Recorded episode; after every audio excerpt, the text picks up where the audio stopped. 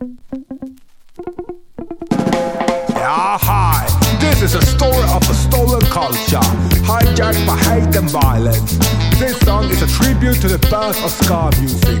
The rhythm and the tunes of originates from Jamaica. Let's give reggae music and a culture revival. Skinheads was born by the original tunes of Jamaica. I was like a fucking thief, I was stealing the style in the shadows of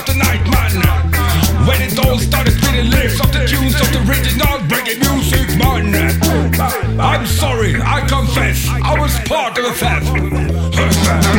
I acted like a bonehead, but now I look sharp.